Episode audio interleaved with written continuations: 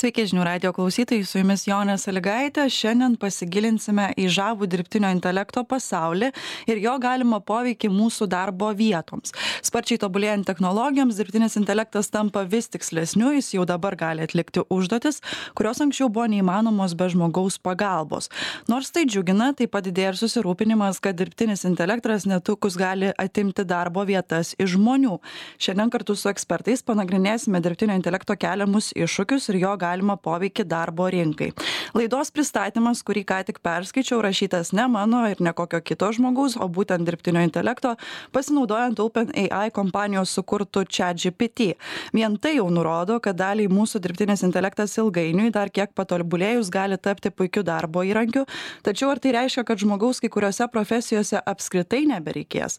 Dalis ekspertų prognozuoja kad dirbtinis intelektas gali pakeisti ketvirtadalį profesijų. Visgi šešiasdešim procentų dirba dirbančiųjų šiandien dirba darbus kurie neegz neegzistavo tūkstantis devyni šimtai keturiasdešimtaisiais. Taigi naujų profesijų bumas taip pat yra tikėtinas. Kokios profesijos prieš dirbtinį intelektą kris pirmos kokios naujos profesijos gali atsirasti? Ar verta nerimauti? Apie tai šiandien ir pasikalbėsim. Jūs viso pokalbio metu galit skambint tiesiai į studiją ir užduoti savo klausimus telefonu aštuoni penki du keturi trys vienas keturi trys vienas. Arba rašykit į žinių radijo programėlę ji taip pat viso pokalbio metu bus atidaryta. Na o aš sveikinuosi su laidos pašnekovais kauno technologijos universiteto elektros ir elektronikos fakulteto profesoriumi vidu raudoniu sveiki Labą dieną. Ir Vilniaus Gedimino technikos universiteto elektroninių sistemų katedros profesoriumi Artūru Sereckiu. Sveiki. Labą dieną. Pone Raudoni, gal nuo jūsų pradėkime. Aš paminėjau, ketvirtadalis profesijų bus pakeista dirbtiniu intelektu. Tokia yra prognozė. Jūsų manimų, kiek ji yra tiksli? Nu, tokį iš pėties, va, tokį klausimą užduodat. Uh, ne, nežinau, nežinau, neturiu atsakymo. Uh, ar 40 procentų dabar darbo vietų yra susijusi su teksto kūrimu, paveikslų piešimu, gal tiek nėra darbo vietų, ne? Nu, šiai mano amžiui užteks, ne, ne, nepasitvirtins tą prognozę, 40 procentų pone saracki jūsų manymu kokios profesijos gali būti na pakeistos tuo dirbtiniu intelektu artimiausiu metu? Na kam čia didžiausios grėsmės būtent per ateinančius galbūt penkis metus? Man atrodo kad e, ne taip e, turėtumėm žvelgti į konkrečią profesiją bet galbūt žiūrėti į žmogų kuris e, atlieka darbą kurį kuris grįstas tam tikrom taisyklėm. Kad jeigu reikia parašyti kažkokią tai ataskaitą arba laišką aš žinau kaip ir tai mano darbas. Tai tokių žinau kaip ir tai mano darbas reikės bet mažiau. Ar tai bus e, ketvirčiu mažiau ar dvigubai mažiau čia sunku pasakyt tačiau tai nereiškia kad tų profesijų nereikės tiesiog darbo pobūdis galbūt pasikeis žmogaus. Jie bus efektyvesni jeigu pavyzdžiui na jau buvo užsiminta čia ponas raudonis užsiminė apie tai kad e, paveikslėlius gali sukurti dirbtinis intelektas gali rašyti tekstus tai ar tuomet na tokiose bent jau profesijose reikia dar žmogaus pagalbos? Galbūt jau pats e, dirbtinis intelektas gali visa tai padaryt? Čia klausimas man.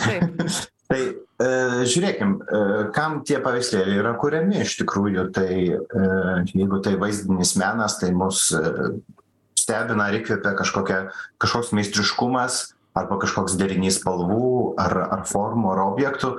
Ir aš manau kad kol žmogus kažką galės nupiešt nu netgi mes turime nuotrauką ar ne bet kai pamatom kad žmogus nupiešė e, paveikslą ant grindinio ar dar kažkur kur ir gylį matom ir atrodo tai atrodo jis tikroviškai mum daro įspūdį ir to mum reikia ar ne? Negalim sakyt kad vat yra kažkoks tai kiekis vaizdų arba paveikslėlių kurių kur kuris įsisotins ir mum mum užteks. Mes galbūt ne tiek tą paveikslą kiek žinodami kad tai sukūrė žmogus kad galbūt įdėjo pastangų gal pusę metų ra piešė tas mus labiau įkvepia negu negu galutinis rezultatas aš taip manau. Tačiau yra aišku tokių sričių kur kur mes greičiau greičiau turėsim kažkokį tai malonesnį svetainės e, gal dizainą ar elementų išdėstymą galbūt greičiau galėsime kažkokį tai logotipą susikurti.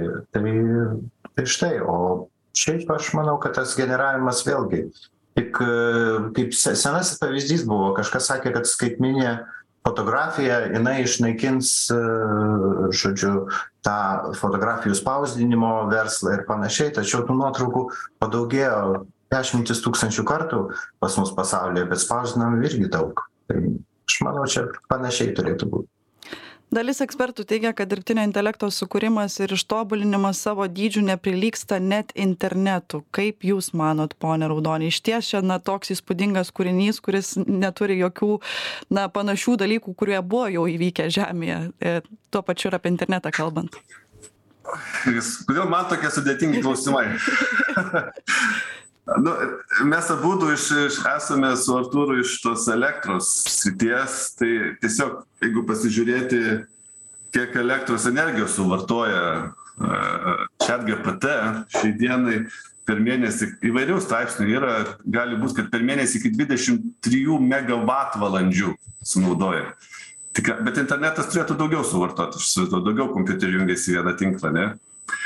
Bet e, taip masiškai taip drastiškai augant e, klientų norinčių pasinaudoti ChatGPT irgi skaičius didėja. Tai tikriausiai energijos sąnaudos bus didelės. Aš stebiuosi, kur tie mūsų žalieji, ko nestovi su plakatais prieš serverius.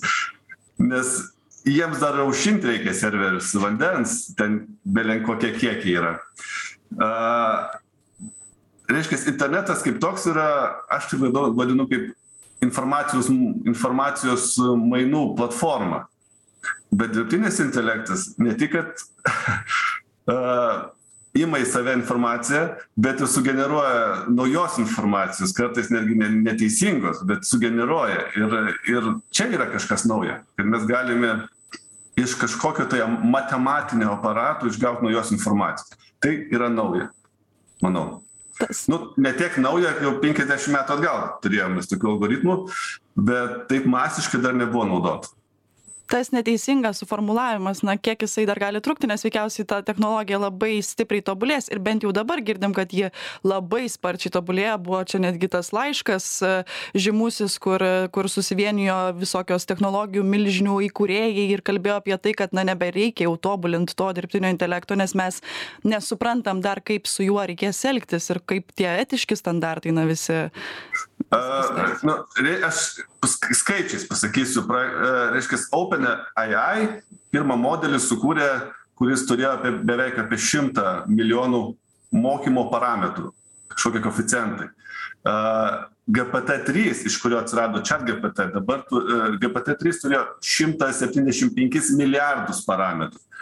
GPT-4 liktai turės apie 500 milijardų parametrų na ir visi šitie parametrai atsiduria į kažkokius tai procesorius kurie eikvoja energiją. Aš jaučiu kad jeigu dabar vienas duomenų centras suvartoja tiek vandens kiek atominė elektrinė užšildyt už reikėtų tai gal va čia mes atsidursime į energetines kažkokius trūkumus. Kol a algoritmai nepasidarys tokie kompaktiški ir mažiau imlūs energijai tol tas tobulėjimas biškį bus pristabdytas aš manau didelių modulių kaip tokių kaip dabar yra tai per kiek laiko mes jau galėtume na to tobulėjimo sulaukti tuomet? Nu tai po savaitės Laukit žinių. iš ties labai greitai keičiasi ir iš, na, jau galime ir matyti, kad per mėnesį pasikeičia, patobulėja ties tas pats čia GPT. Pone Siratskina, kalbant apie tą naująją revoliuciją, interneto atsiradimo laikais internetas tobulėjo greičiau nei radosi, pavyzdžiui, naujos profesijos. Tai dabar su tuo pačiu dirbtiniu intelektu irgi kyla klausimas, ar nesusidursim su didelė bedarbystė, nes tiesiog nežinosime, kaip teisingai tuos žmonės įtraukti suvokti kiek pasikeitusią darbo rinką? Aš manau kad bedarbystė šiais laikais gresia tiktai tiem kas nebenori tobulėt nebenori mokytis ir tingi, su, su laiku. Taip tinginių. Mes turėsim vis daugiau bedarbių ar ne? Nu gal jau ir taip yra. Bet kiek kiek daug sričių iš tikrųjų tos naujos technologijos atveria ir kiek mes turim pagaliau galimybių pasirūpinti tais sprendimais ir dalykais kuriuos užmiršom anksčiau ar ar daryti tikslesnes galbūt nu nenoriu sakyt diagnoz diagnozes bet pastebėti kažkokius tai žodžiu neįprastus reiškinius ar ar gamtoj ar kaip ar susieti su kažkokia tai sukaupta informacija istorine kurios mes neturim laiko ir galimybių išanalizuot e, rankiniu būdu. Ir iš tikrųjų kiek darbo efektyvumo mes turim e, perspektyvų. Ir ir aš manau žmonės ne tai kad e, turės mažiau darbo jie galės daugiau laiko skirt tam kūrybiniam darbui. Nereikės tiek daug laiko ir ir žmonių komandos tokios didelės kurie atsakinės į piktų klientų laiškus per pilnatį. Ar ar skambučius galbūt netgi ar ne tai tie žmonės aš aš abejoju kad visi džiaugiasi žodžiu pretenzijų atsakymus ruošdami ir panašiai. Tie žmonės turbūt nelabai mėgsta ir savo darbo tai jie turės galimybę užsiimt kažkuo kitu. Tai tai aš tuo labai džiaugiuos ir ir aš manau kad žiūrint į tuos naujus startuolius ir įmones kurios atsiranda naudoja tą dirbtinio intelekto tuos didelius modelius kurie leidžia e, kartais e, pasiekti rezultatą kuris nustebina patį tave ar ne? Tai e, gauni rezultatą galvoji nu aš taip niekad neparašyčiau žodžiu ar ar panašiai ar ar taip nenupiešiu. O taip man reikia kad pasiekt savo savo kažkokią idėjos komercinimą ar pabandymą. Tai aš manau tos startuoliai tiesiog nu labai reikalauja naujų žmonių. Ir netgi pasižiūrėjus jav investicijas per paskutinius du metus į dirbtinį intelektą tai tris kartus padidėjo poreikis mašininio mokymo specialistų dirbtinio intelekto specialistų. Tai jeigu mes tiktai nebijosim tos srities ir eisim į ten tai turėsim daug daug darbo. Ir ir mum bus iš tikrųjų gyvenimo kokybė tik gerės. O o ką kalbėt apie tuos kurie E, kurie galvoja kad staiga aš jaunuoju programuotoju e, tapsiu ir išspręsiu viso savo gyvenimo uždarbio klausimą tai tai aš jam turiu blogą naujieną ne?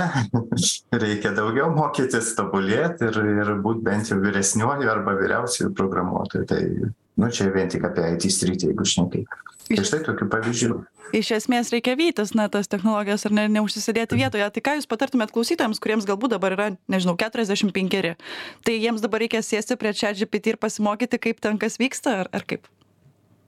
Reikėtų peržiūrėti savo e, savo rutininius darbus darbo dienoj ir ir pabandyti paklausti to chat gpt ar kito modelio e, žodžiu ar tu gali man parašyti kažkokį tai fragmentą ataskaitos ar ar gali man t tokį darbelį kaip man elgtis kaip man suplanuot savo dieną kai kaip man geriau daryt kitą darbą ir pasižiūrėt ko koks bus grįžtamasis ryšys.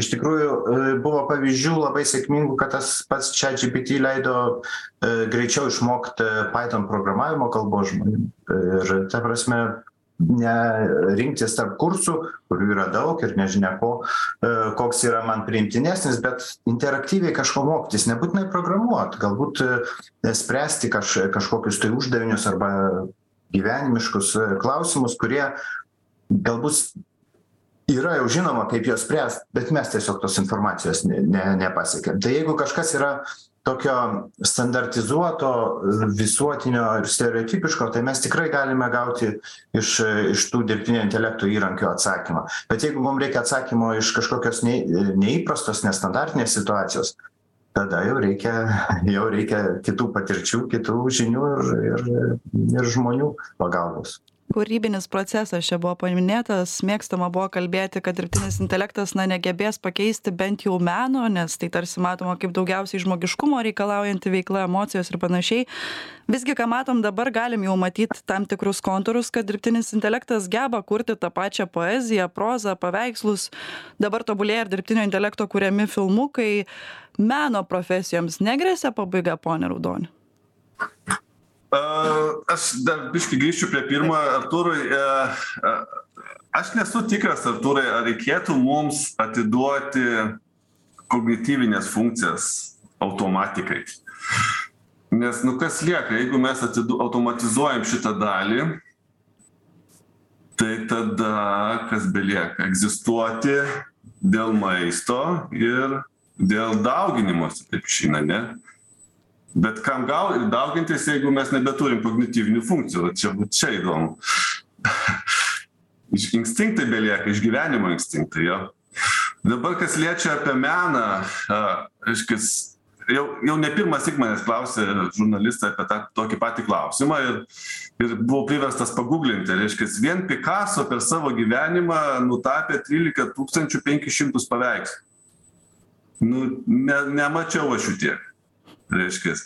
Van gogas būdamas nu kaip psichinis arba men mentalinis ligonis per dieną po šimtą per net per mėne per gyve per per vieno gyvenimo metus apie šimtą penkiasdešim paveikslų nupaišydavo irgi nematėm dabar kad mes prigeneruosim tų paveikslų hm nu gražių yra tikrai gražių įspūdingų. Bet aš čia vadinu kaip popsas. Skrajutei padaryt logo padaryt nu tokio greito vartojimo reikia greitai kažką tarkim iš ukmergės santechnikų reikia video reklamą pasidaryt kad jis turi savo paslaugų. Tai yra trys įrankiai kurie leistų visiškai už kokius dvidešim dolerių padaryt video labai gražų. Su chat gpt nemokamai pageneruoji tekstą nes gal santechnikas mažai rašo mažai kalba bet daugiau dirba tada yra avatarai kurie už tave pakalba gražiai net gražiai lietuvių kalba. Ir kitas įrankis kurį foną gražų padaro. Nu tai ir nebereikia samdyti komandą su su kamerom su rašytoju e kokiu nors marketingo specialistu. Užtenka tą video patalpinti į nu dabar mes žinom parduotuvėse yra tokie ekraniukai kur kas kažkiek laiko parodo tą reklamą. Nu tai populiarini savo paslaugą. Čia šitoj vietoj tie specialistai nukenčia bet tada jie turėtų konkuruot su kokybe ką jie siūlo. Taip. Ir neprarasti savo kognityvinių funkcijų, nes būtent kognityvinės funkcijos, nu, jeigu prarasti, tai pradėsi tingėti ir netgi apie, apie kitus darbus net nesvajokit tada. A, tai va. Tai apie knygas, ne, elektroninių knygų yra 12,5 milijono skaityklėse. Nu vėl čia GPT sugeneruos tų knygų, ar mes čia pasijausim laimingesni kad mes net nežinau procento procento dalies knygų neperskaitom bet galbūt na žinot e, tas dirbtinis intelektas vėlgi tai viskas remiasi į duomenis ir jeigu mes nematėm tų dešimties tūkstančių kažkokio kūrėjo paveikslų tai Mm. dirbtinis intelektas turi na galią matyti visus tuos dešim tūkstančių ir sukurti Mm. kažką iš tų dešim tūkstančių bendrai tai ar taip nebus na na bent jau meno perspektyvoj dirbtinis intelektas tikrai nukonkuruos žmogų jo reikia suprast kad aš jaučiu kokie devyndešim penki procentai žmonijos net nesvarbu iš kur tas paveikslas? O tie penki procentai kurie domisi menu tą meną sugeneruotą dirbtinio nelaiko menu. Va čia kurie pasiryžę mokėt pinigus už tą sugeneruo nesugeneruotą paveikslą. Tai vieną kitą dėl juokelio nusipirks tą paveikslą bet tie rimtieji darbai tai jeigu iš trylikos tūkstančių pikaso darbų kokie nu dešim yra nupirkti už brangiai tai didžioji dalis paveikslų netgi nu net netraktuojama kaip menas sakykim. Nu kaip menas bet nu ne toks vertingas. Tai va tai aš tiktai va čia turiu skeptiškumo kad dabartiniai įrankiai leidžia kurti nu taip populiariai pasakysiu popsą a lab labai greitai virškinamą medžiagą kuri yra kaip skrajutė tik papuolus į rankas keliauja į šiukšlių dėžę. Va šitaip. Nu čia toks labai skeptiškai nuskambėjo ane pone saracki dabar dar yra tobulinami taip pat vaizdo įrašai dirbtinio intelekto kuriami ir čia ir filmų industrija susizgribo pradėt kalbėt apie tai kad bus galima kurt mažo biudžeto filmus ir štai turėt aktorius kurie susidės ten iš pačių garsiausių aktorių dviejų veidų na kokio brado pito ar džiudo lo ir atliks vaidmenį labai labai gerai. Tai gal ir filmams tada gresia išnykimas. Kaip kaip jūs matot situaciją na situacija dabar ne tiek dėl vizualinio išpildymo to filmo, man atrodo, yra jau kebli, nes e, galbūt to dirbtinio intelekto reikėtų vieną kitą scenarijų perrašyti filmų, nes neretai netgi vaizdo platformose pradedi žiūrėti filmą ir jau supranti, kad tas scenarius kažkur matytas, jau žinai, kam baigsis, arba neįdomu, arba baigėsi filmas ir nu, neiššaukia tų jausmų, kurios tikėjai. Tai e, aktorių e, dabartiniuose netgi kai kuriuose filmuose atrodo e, pripirko tų aktorių, ar ne, o scenarijų parašyti pamiršo įdomu. Ir, ir vat, filmas, iš, žodžiu, populiarus vien dėl to, kad aktoriai surinkti geri. Tai, na, aišku, aktoriaus vizitinė kortelė yra jo, jo veidas, jo vaidyba, jo, jo visas tas e, gebėjimas įtikinti žiūrovą. Tai nu, ne, negalime mes skolintis svetimo veido turbūt ar ne svetimos vizitinės kortelės nebent to aktoriaus e, mes norime e, nu, leidimą paprašyti ar panašiai.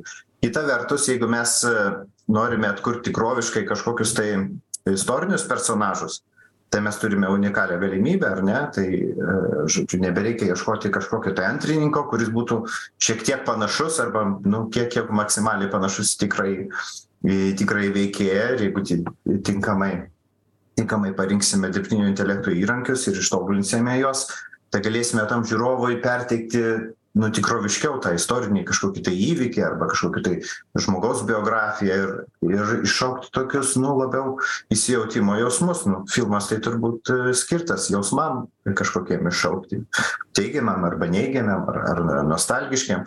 Tai aš manau, tie įrankiai tik padeda, jie net netrukdo visiem visiem liks vietos manau apie taisykles turbūt irgi reikia čia kalbėti nes vat jūs užsiminėt apie tai kad ar mes pirksime aktoriaus veidą ar mes pirksime aktoriaus pavyzdžiui balsą nes veikiausiai įgarsinimui taip pat e, gresia tam tikri dalykai. Tas pats ir žurnalistams e, laidas vesti turbūt irgi galėtų e, galėtų kažkoks dirbtinis intelektas. Na jūs atsakykit į klausimą bet vėlgi aš manau iš dalies tai su žmogaus emocija susiję. Ar ar ar aš noriu e, kad robotas su manim kalbėtų aš noriu kad bendrautų žmogus turi galimybę paskambinti galbūt tą tokią emociją gauti tikresnę. Bet e, nu ką gi mes turime jau e, straipsnius kuriuos mums skaito robotas ar ne? Galbūt mes negalim jų pasiskaityt tuo metu kažką kito darom tai gal ir tų žurnalistų ne visada užtenka visom mūsų e, įnoriam ir poreikiam. Aš manau kad e, vis tiek tas e, žurnalisto darbas yra kitoks. Reikalingas žmogiškasis kontaktas reakcija į naujoves į kažkokius tai pokyčius. Dirbtinis intelektas dažniausiai jis nu kaip jis mokosi iš senų pavyzdžių. Tai tai čia irgi tas aspektas kuris kurį kuris irgi yra iššūkis kuriant tokias sistemas. Trumpą pertrauką padarom tuoj pratęsim. Grįžtam į eterį ir tęsiam laidą. Dalis ekspertų prognozuoja kad dirbtinis intelektas gali pakeisti ketvirtadalį profesijų apie tris šimtus milijonų darbo vietų visu etatu jav ir europoje. Visgi šešiasdešim procentų dirbančiųjų šiandien dirba darbus kurie neegzistavo tūkstantis devyni šimtai keturiasdešimtaisiais. Taigi naujų profesijų bumas taip pat yra tikėtinas kurios profesijos prieš dirbtinį intelektą kris pirmos kokios naujos profesijos taps paklausiausiomis ar verta nerimauti apie tai šiandien ir diskutuojam. Jūs galit skambint tiesiai į studiją ir užduoti savo klausimus telefonu aštuoni penki du keturi trys vienas keturi trys vienas arba rašykit į žinių radijo programėlę ji taip pat yra atidaryta. Na o mes tęsiam laidą su kauno technologijos universiteto elektros ir elektronikos fakulteto profesoriumi vidu raudoniu ir vilniaus gedimino technikos universiteto elektroninių sistemų katedros profesoriumi artūru serackiu pone raudoni raudoni čia sustojom ties taisyklėmis prieš pertrauką atrodytų su internetu vis vėlavome ir turbūt na nesumeluosiu pasakydama kad vėluojam iki šiol. Nemokam su tais pačiais botais dar tvarkytis trolių fermomis daug diskusijų sukelia neapykantos kalba ir žodžio laisvė socialinėse medijose ar tai iš esmės reiškia kad ir su dirbtiniu intelektu na vėluojame tas taisykles susikurti ar vis dar nevėluojam ir reikėtų kažkaip susizgribst ir tai padaryt greitai? Tai jūs paklauskit chat gpt ką, ką atsakys. Ką, ką žinau, ar mes vėluojam? Ar mes vėluojam? Nevėluojam, kūrėm technologijas ir tada, kai atsiranda technologijas, mes iki šiol iš tikrųjų nesuprantam potencialo, ką mes sukūrėm. Ir, ir šita, tas potencialas, jisai toks, nežinau, uh, su studentai vaikšto. Šitą. Uh, reiškia, reikia įsivaizduoti, uh, ar mes dabar matom arklių uh, tempamą vežimą, vežimą miestuose. Anksčiau visi miestai buvo su arkliais ir vežimais. Šiai dienai mes po truputį einam link elektromobilių ir tie elektromobiliai turėtų išstumti vidaus degimo variklių mašinas. Okay. Ar tai gali būti, kad mes kūrėm humanoidus, kurie išstums mūsų žmonės? ir jau dabar reikia tai sukurti taisyklės, kad mūsų neišstumtų? Nežinau, mes augam ir mokomės, bet dėl tų taisyklių esu piktas, tarkim, Europos Sąjungai priėmėm duomenų apsaugos tas taisyklės ir mūsų mokslininkus, kurie užsima dirbtiniu intelektu, kuriems reikia duomenų, ganėtinai sunku gauti juos nepraėjus visų etinių tų klausimų. Tuo tarpu mūsų ideologiniai, nu, negaliu sakyti priešai, ideologiniai kaimynai, kinai šitokių ribojimų neturi. Tai, tai va, ir prieš ir už ne, ne, dar nesu pasirinkęs pusės. Tai netgi dėl taisyklių įvedimo tarsi pralaimim kovą prieš Kiniją, ar kaip čia? E, taisyklės pas mus per griežtas, mes per daug einam gal link taisyklių, o ne dėl technologijų tobulinimo. Gal reikėtų technologijas tobulinti taip, kad jos būtų mums naudingos, o ne, o ne, o ne kaip priešiškos žmoniai. Pone... Vis dėlto, ką mes kūrėm tas technologijas? Technologijai ar žmogui? pone serackį lina čia rašo mums kokių profesijų nepakeis niekada dirbtinis intelektas gal galit atsakyt e, aš manau baristos kuri verda kavą ne? Nes e, nepaisant to kad mes turim kavos aparatus ar ne ir įvairiausių būdų ir ir žodžiu net po kelis skirtingus turim kartais namie. Bet e, vis tiek norime nueiti į kavinę kad mums žmogus padarytų puodelį kavos e, žodžiu su su juo galbūt e, pasišnekėt. Tai kur yra žmogiškas kontaktas kur yra ta emocija ypač tiem žmonėm kurie kuriem pagal charakterį jo reikia nu ten niekada nepakeisi kalbant apie tą žmogišką charakterį čia yra labai įdomių pastebėjimų kad na pavyzdžiui dirbtinis intelektas gali pakeisti netgi ir teisininkus e, nes spręstų labai nešališkai pagal faktus e, ar kokios bausmės nusipelno žmogus ar jis yra kaltas. Taip pat ir apie medikus kalbama kad dirbtinis intelektas labai greitai gebės diagnozuoti ligas paskirti joms gydymą ar tai nebrėžia scenarijaus na kad keliaujam link to kad pavyzdžiui tokios profesijos irgi gali išnykt aš norėčiau paprieštarauti sprendimą nešališką priima remiantis istoriniais duomenimis. Taip ane? Turbūt kad taip. Visi tą sutinka ir pagal seną kurpalį teisim naują kartą taip išeina. Nu čia reik pamąstyt ar nu tie visi rasiniai klausimai kur buvo iškelti dėl dirbtinio intelekto jie dėl to ir ir kyla todėl kad algoritmas neatsinaujina šiaip sau. Jisai algoritmas kaip toks jis slenka iš paskos. Piešia iš tai kas buvo nupiešta rašo iš tai kas buvo parašyta kuria iš tai kas buvo sukurta prieš tai. Dabar kas pirmauja šitoj vietoje žmogus kūrybingas nusikaltėlis ir galintis išsisukti žinantis kuris kaip veikia sprendimo priėmimas teisinėj sistemoje vat va šičia įdomu o apie medikus man atrodo kad mhm, man atrodo kad teisinėj sistemoj mes galime tikėtis galbūt e, geresnės kokybės tos teisės aktų. Greičiau e, išnagrinėti bylą, sakykim. Taip.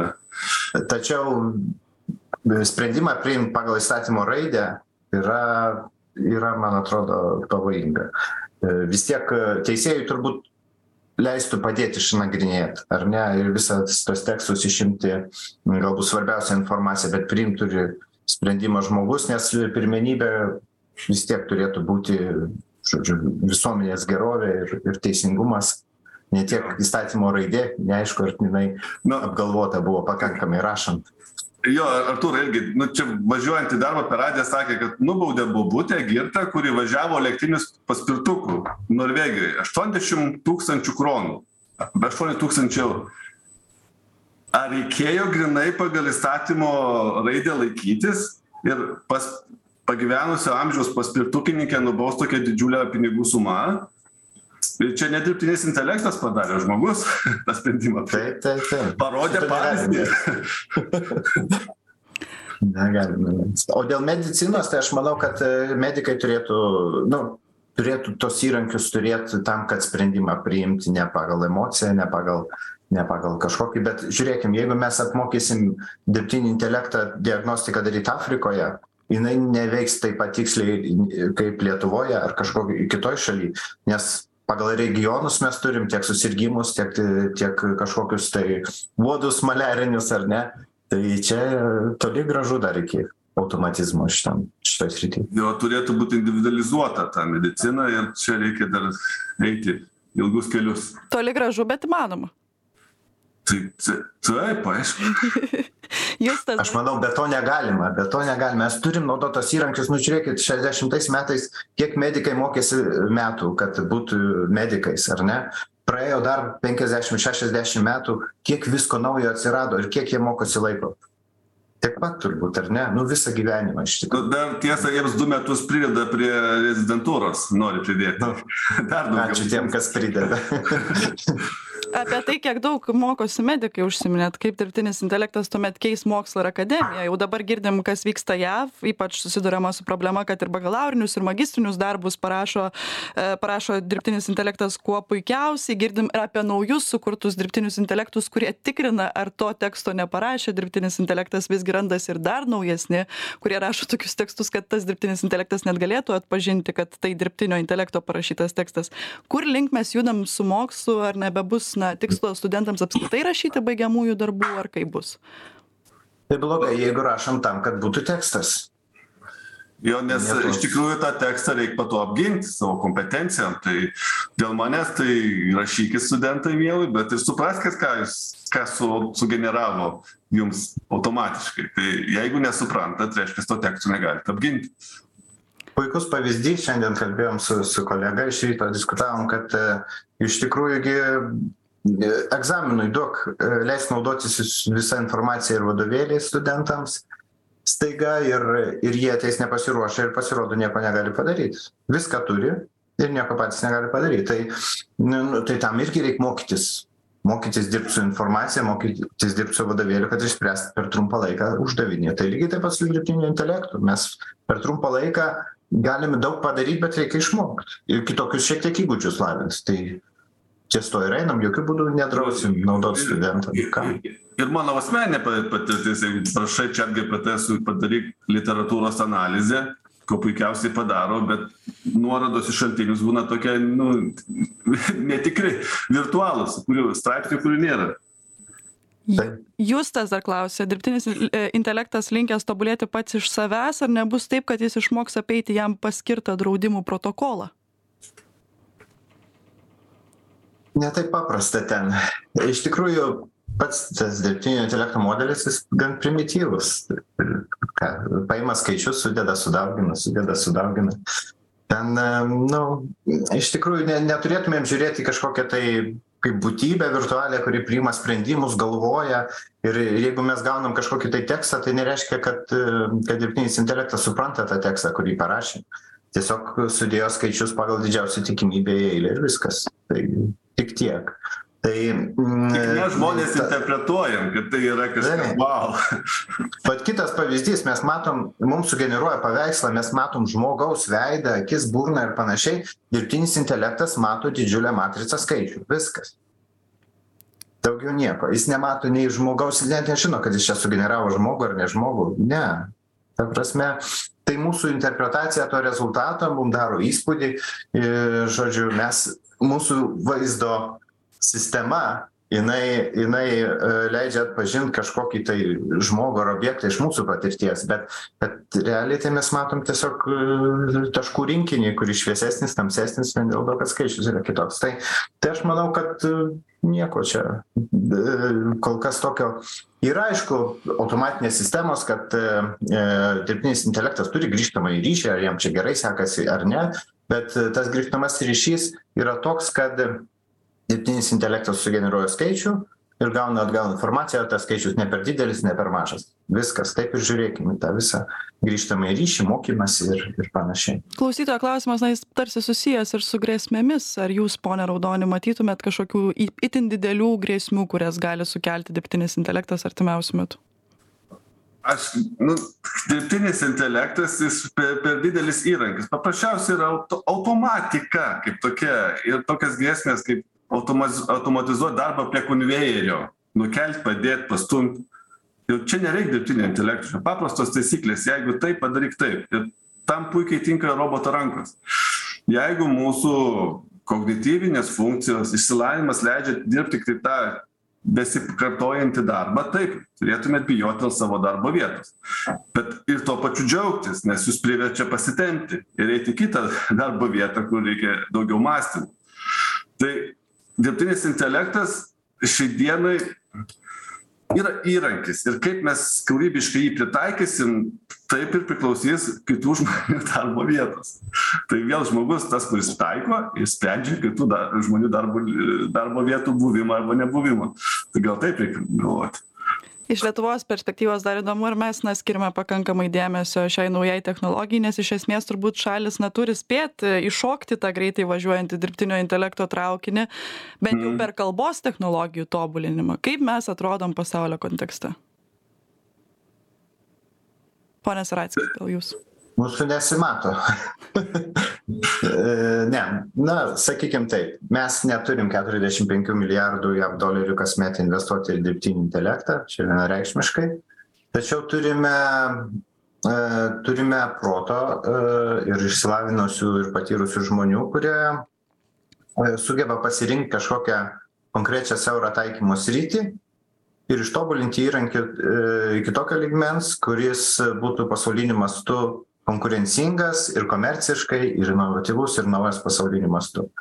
Tai mes lietuviai esam tokių pavyzdžių turim ne vieną ir ir startuoliai mūsų augantys tai su tuo ką turime netgi su tom nedidelėm investicijom mes vis tiek vis tiek galim pasaulyje kažkaip konkuruot tačiau reikia išsigryninti labai aiškiai uždavinį sritį ir joje dirbt o kad investicijų reiktų į tą sritį nepamiršt tai vienareikšmiškai nes įmonės nebus konkurencingos jeigu tiesiog visi darys dirbtinio intelekto automatizavimą kažkokiam vienam ar kitam procese o mes ne nu tai bus blogai. Tai pone raudoni pratęskit. Tai būtent tai reiškiasi aš aš irgi prisidedu prie artūro kad lietuva nu neturėtų kurti to bendros paskirties dirbtinio intelekto. Nu tokiai mažai valstybei be su mažom investicijom nu nevertėtų įsileisti į tą kovą bet į tas specifines dedikuotas sritis galima ir žinant kiek žmogus turi organų tai kiekvieną organą galim po dirbtinį intelekto modelį sugalvot tai ir mūsų startuoliai ganėtinai sėkmingai tą daro klausytojas dar rašo gal apskritai labai mažai dirbsime reikės naujas savasties apybraižas numatyti. Kaip čia bus? Būtent būtent. Aš kaip sakau juokaudamas e, bus tikras kaip čia socializmas. E, robotai aptarnaus mus viską pastatys už mus o mes turėtume nežinau sakau valgyti ir daugintis bet jūs išties tikit tokiu scenarijum kad taip ateity ir bus. Mano gyvenime to nebus. Mano gyvenime. Proanūkiams. Aš manau mes jau aš manau jau mes dabar iš tikrųjų mažiau dirbam nes e, aš pastebiu kad žmonės e, neretai naudoja ypač e, kai reikia kažkokį tekstą parašyt naudoja tuos dirbtinio intelekto įrankius. Galbūt nenori labai viešinti to fakto kad juos naudoja nes tai daro darbą efektyvesnį jis per dvi valandas padaro dienos darbą ir eina kavos gert sau po palme kur nors virtualiai. Tai aš manau taip yra ir ir naudosim ir tik tiek kad daugiau dėmesio reiks kūrybiniam darbam skirt. Aš labai dažnai dieną užbaigi nieko nepadaręs. Atėjai visą dieną dirbai ten ir tą darei ir tą darei ir nieko nepadarei naujo. O iš tikrųjų taip norėjosi iš pat ryto tai va tai kaip gerai kai turėsi daugiau laiko tam tam kūrybiniam darbui. Tai vietoj to kad dabar didelė komanda vieną startuolį vysto galės keturis vystyt keturias idėjas. Idėjų pakanka. Netrūksta. Laiko ir rankų trūksta. Tai mes dabar turėsim daugiau rankų nes turėsim daugiau laiko nes sutartinius darbus kažkam kitam atiduosim. Bent jau dalį jų. Tikrai ne šimtą procentų. Tai aš manau čia daug smagiau bus mum eit į darbą mėgstam kalbėt apie keturių dienų darbo savaitę. Ar gal kalbėsim apie keturių valandų darbo dieną tuomet su dirbtiniu intelektu? Taip o po to važinėsimės dviračiu eisim skanauti pas žmones pagaminto maisto kavą gert. Taip taip kodėl gi ne? Kurie padarys irgi robotai ane ir maistą ir ir kavą.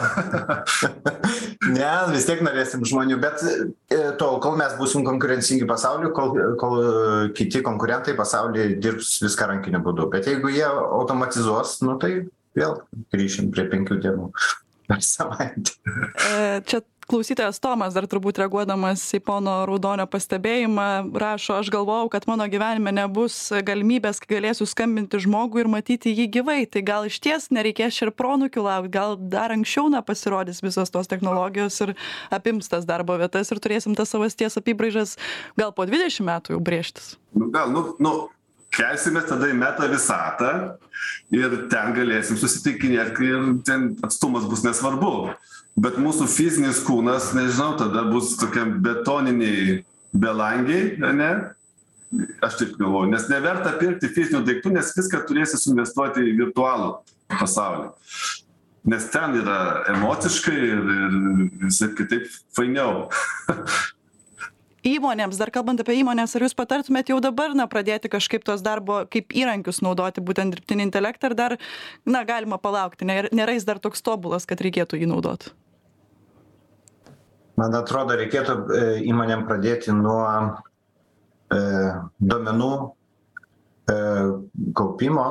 Duomenų kurie yra būdingi būtent tos įmonės veikloms kūrimo ir panašiai e kaupimo ir panašiai ir saugojimo. Kuo daugiau detalesnių duomenų mes surinksim apie savo procesus ir ten gamybos eigą ar ten įrenginių e valdymą tai tuo greičiau galėsime kitų sukurtą dirbtinio intelekto įrankį pritaikyt savo įmonėj ir tapt konkurencingais priekyje. Bet be duomenų remtis kažkokių kitų įmonių suki sukurtais duomenimis mes dirbtinio intelekto negalėsim e žodžiu prisitaikyt tai labai didelės didelė tokia gėris nu nežinau vertė iš tikrųjų yra duomenų.